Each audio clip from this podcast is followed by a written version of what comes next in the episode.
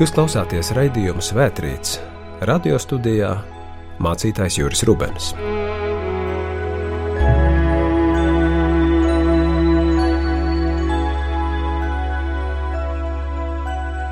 Žēlastība un miers, lai ir jums no Dieva, mūsu Tēva un Kunga Jēzus Kristus. Āmen! Mūsu pārdomā mēs uzklausīsim svētūrakstu vārdus Lūkas evanģēlīja 15. nodaļā, 8. un 9. pantā. Tā ir īsa Jēzus sacīta līdzība.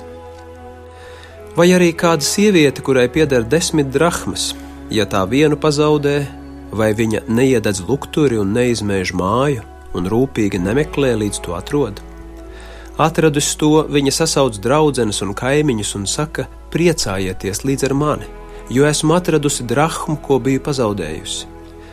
Es jums saku, tāpat ir prieks dieva eņģeļiem par vienu atgriezušos grēcinieku. Āmen!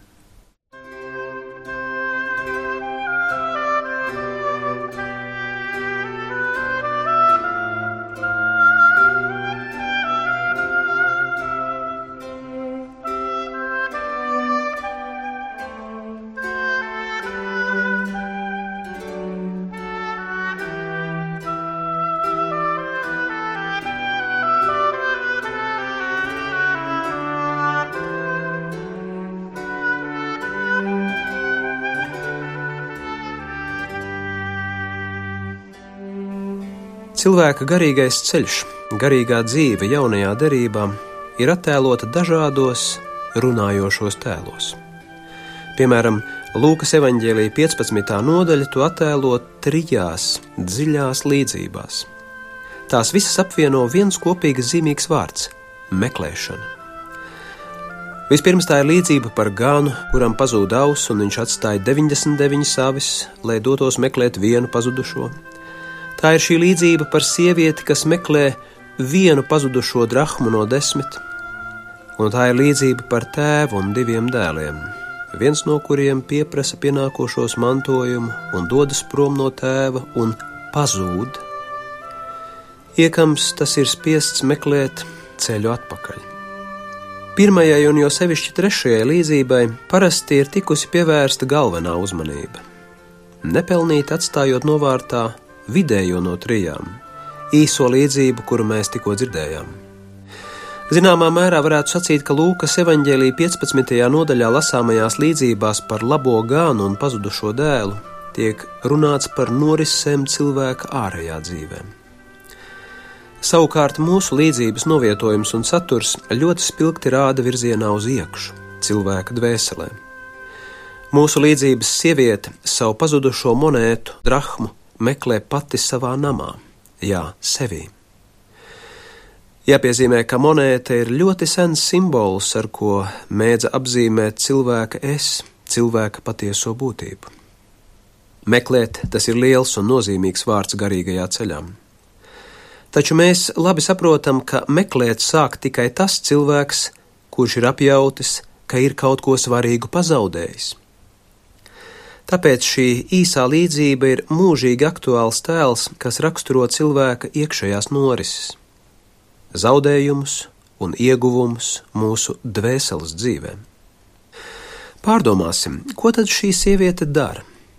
Viņas parastajā rūpju pilnajā dzīvē galvenā drošība ir viņas iekrājumam, viņas desmit drachmām. Drošība ir visās šajās desmit monētās kopā. Tēlēni sakot, tās ir desmit lietas, kas nepieciešamas pilnvērtīgai dzīvei.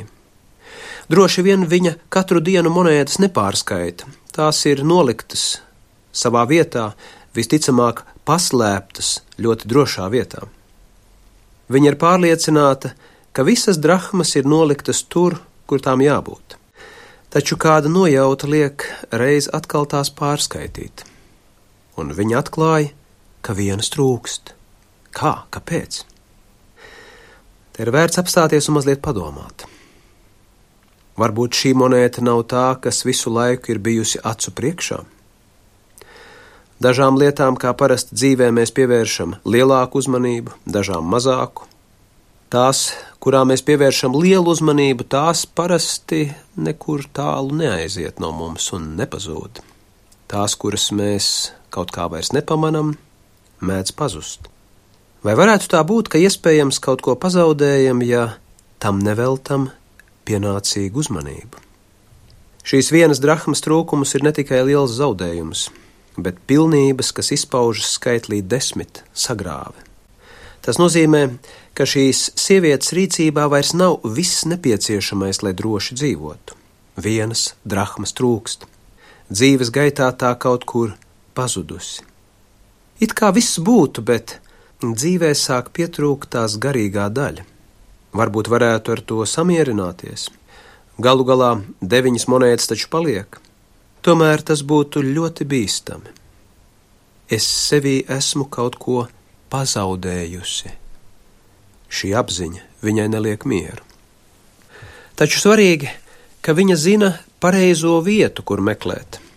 Viņa neizstrādā konspirācijas teorijas par zagļiem, kas varētu būt monētu nozaguši. Viņa nesteidzas pārmest un turēt aizdomās citus, kas varētu būt pie tā vainīgi.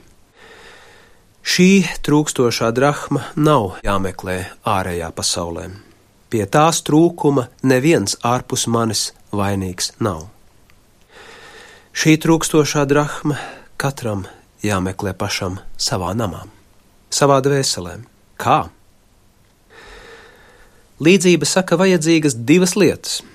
Pirmkārt, ir nepieciešams izmēst netīrumus un krāmus, kas laika gaitā manā namā sakrājušies Ja tu pietiekami dziļi ieskaties sevī, tu ieraugi, cik daudz tur ir liekā, nevajadzīgā, traucējošā, kas traucē ieraudzīt svarīgāko. Jā, manī esošajā juceklī ir tik viegli pazaudēt pašam sevi, nesaprast vairs, kas esmu es pats. Otrakārt ir nepieciešama gaisma, īstā gaisma. Bet kas var apgaismot cilvēka dvēseles namu ar tā tumšajām istabām? Mūs var apgaismot patiesa saruna svēto rakstu vai kādas citas garīgas grāmatas lasīšana, mūs var apgaismot ticība, atvēršanās dievam, gatavība apklust, nomierināties un mēģināt saskatīt dzīves lielās sakarības. Un, protams, tad rūpīgi, neatlaidīgi meklēt. Lai meklēšana būtu rūpīga, ir jāņem vērā vēl dažas lietas. Pirmais sevis atrašanas nosacījums ir klusums apstāšanās. Mūsdienu cilvēkam nemaz nav tik viegli patiešām apklust. Mēs pārāk daudz runājam, pārāk daudz esam ārpusē, taču trūkstošo monētu, sevi, varam atrast tikai klusumā. Klusums ir pirmais solis lielajā noslēpumainajā ceļojumā pretī savam patiesajam es. Nevelti viens no lielajiem kristīgajiem domātājiem Džons Meins ir sacījis, ka iemācīšanās vienkārši klusi sēdēt var dot neaptverami lielu ieguldījumu jūsu garīgajā ceļojumā. Nevelti agrīnās kristietības tūkstneša tēvi saka, ka klusums atmodina dvēseli. Klusums palīdz praktizēt uzmanību, kļūt uzmanīgam. Parasti uzmanību pievēršam tam, kas notiek mūsu galvās, mūsu apziņas plūsmai. Taču mūsu parastās domas, vārdi, tēli jānoliek pie malas. Uzmanība jāpievērš mūsu esības dziļumiem, visu savu uzmanību pievēršot dievam. Apklusis cilvēks kļūst uzmanīgs. Tikai pateicoties uzmanībai, mēs pakāpeniski mācāmies dzīvot šajā mirklī.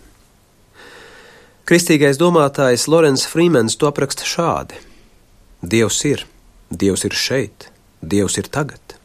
Arī es esmu, arī es esmu šeit, arī es esmu tagad. Taču, ja tas ir tā, kāpēc mēs nesatiekamies? Kāpēc tomēr Dievs liekas tik tāls? Kāpēc liekas, ka viņa šeit nav? Ne tāpēc, ka Dievs nebūtu klātesošs vai viņš būtu tāls, bet tāpēc, ka šeit, šajā mirklī ar Dievu, neesmu es. Ieskatoties sevī, mēs sevi ieraugam kā spogulī, saskaldītus, izbiedētus, pilnus ar fantāzijām, dusmām, agresiju, egocentriskus cilvēkus. Ja ieskatāmies savā prātā, tad atklājam, ka tur ir daudz pagātnes, ko esmu darījis mazliet ātrāk šodien, vakar, pagājušajā nedēļā. Tur atrodam notikumus no tālas pagātnes, kurus nevaram aizmirst. Tie dara mūs vai nu nostalģiskus, vai bēdīgus, vai pamodina vainas apziņu. Ja neesam pagātnē, tad pārceļamies nākotnē. Mēs plānojam, ko darīsim šovakar, rīt, nākamnedēļ, pēc 20 gadiem, vai varbūt esot pensijā. Taču tiklīdz sākam domāt par nākotni, tā mūs savā varā pārņem raizes un rūpes, jo plānošana ir ceļš, kā mēs mēģinam kontrolēt realitāti. Taču no otras puses mēs nemitīgi saprotam, ka realitāti nav iespējams kontrolēt. Jebkas var notikt jebkurā mirklī. Tāpēc, domājot par nākotni, mēs ātrāk vai vēlāk nonākam pie bailēm. Ko darīt? Ne pagātnē, ne nākotnē nav iespējams atrast pārāk daudz miera un prieka. To apjaušot prāts cenšas no realitātes aizbēgt fantāzijās, tīksminoties par sevi, iedomājoties neeksistējošas lietas, iztēlojoties sevi situācijās, kas faktiski ir neiespējamas, Mēs nemitīgi atrodamies vienā no šiem trim prāta stāvokļiem - dzīvojot pagātnē, dzīvojot nākotnē vai dzīvojot savās fantāzijās, no kuriem neviens nesniedz nec mieru, nec prieku. Tikai to aptverot, nākam atpakaļ pie vienīgās vietas, kur varam sastapt Dievu. Tas ir šeit. Tikai tad nākam pie vienīgā laika, kad varam sastapt Dievu. Tas ir tagad. Pamodināts kontemplatīvs prāta stāvoklis nozīmē būt tagad un šeit. Tā ir īstā dvēseles gaisma. Tā ir dzīvošana esības pašreizējā mirklī. Tieši to ir tik nozīmīgi sasniegt. Kā saka apustulis Pāvils, redzi, tagad ir vislabvēlīgākais laiks, redzi, tagad ir pestīšanas diena. Vienīgais laiks, kas tev patiešām pieder, ir tikai šis mirklis, tagad. Kad Mūzus jautā Dievam, kāds ir Dieva vārds, viņš saņem zīmīgu atbildi: Es esmu, kas es esmu. Jā, es esmu. Jēzus savos svarīgākajos vārdos Jāņa evanģēlijā saka šos pašus vārdus: Es esmu. Vai jūs pamanāt būtisko? Dievs nesaka, es biju vai es būšu. Viņu nevar atrast ne pagātnē, ne nākotnē. Ja viņš sevi apzīmē ar vārdu tagadnē, es esmu, Tas nozīmē, ka viņu var sastapt tikai tajā tagadnes mirklī, kurā es vai tu šobrīd, šajā sekundē, paši varam sacīt: Es esmu. Baznīca tēvi runā par pašreizējā mirkļa dievišķo svētību, un lielais dāņu domātājs Sērens Kirkegors uzsver, ka ticēt nozīmē būt vienlaicīgam ar Dievu. Tikai tad, kad esmu iededzis īsto gaismu, ticību un savu māju, savu dvēseli, izmēzis no visa liekā un traucējošā. Esmu apklusis un uzmanīgs šim mirklim. Es soli pa solim tuvojos pašai dārgākajai monētai, savam patiesajam es. Un tikai tad, kad trūkstošā monēta, tavs patiesais pēc dieva līdzības radītais es ir atrasts, tu vari nonākt pie patiesa prieka tad tas ir ne tikai prieks pašam par sevi, nē, tad par tevi var priecāties arī citi cilvēki, tavi draugi, kaimiņi, varbūt pat pilnīgi sveši cilvēki, jo viņiem ir prieks par tādu cilvēku kā tu. Sevi atradušais cilvēks patiešām ir dāvana ne tikai sev, bet viņš ir dāvana visai pasaulē. Taču šī līdzība, manuprāt, ko svarīgu var pasakīt arī mūsdienu baznīcai meklējot ceļus pie cilvēkiem. Baznīca, meklējot ceļus pie cilvēkiem, dažkārt iesaistās dažādos sabiedriskos vai politiskos projektos. Jā, vai nevajadzētu pārskaitīt savas drachmas, vai kāda nav kaut kur aizkritusi? Man šķiet, ka baznīca vienmēr kļūst īpaši nozīmīga un centrāla tieši tad, ja tā atkal atrod un atdzīvina savu mistisko dimensiju, savu garīgās dzīves piedāvājumu. To ir viegli pazaudēt, pārāk rosoties, un pēc tam sarežģīti atrast. Tomēr, ja iededzina gaismu un izmēž savu namu, tad jau daudz ko var atrast.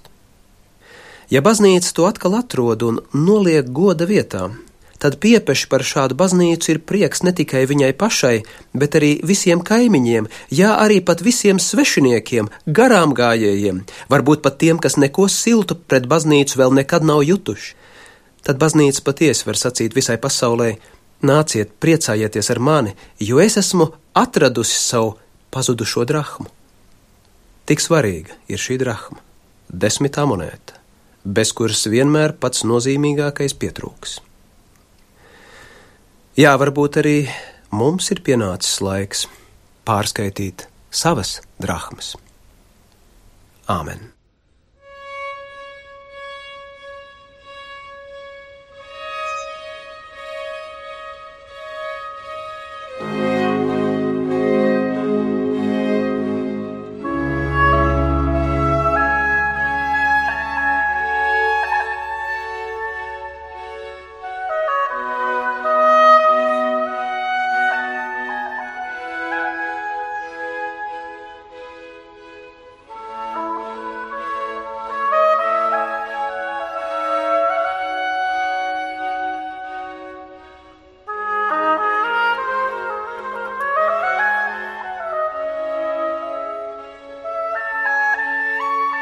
Mēs te pateicamies, debesu Tēvs, par visu, ko Tu esi mums dāvinājis.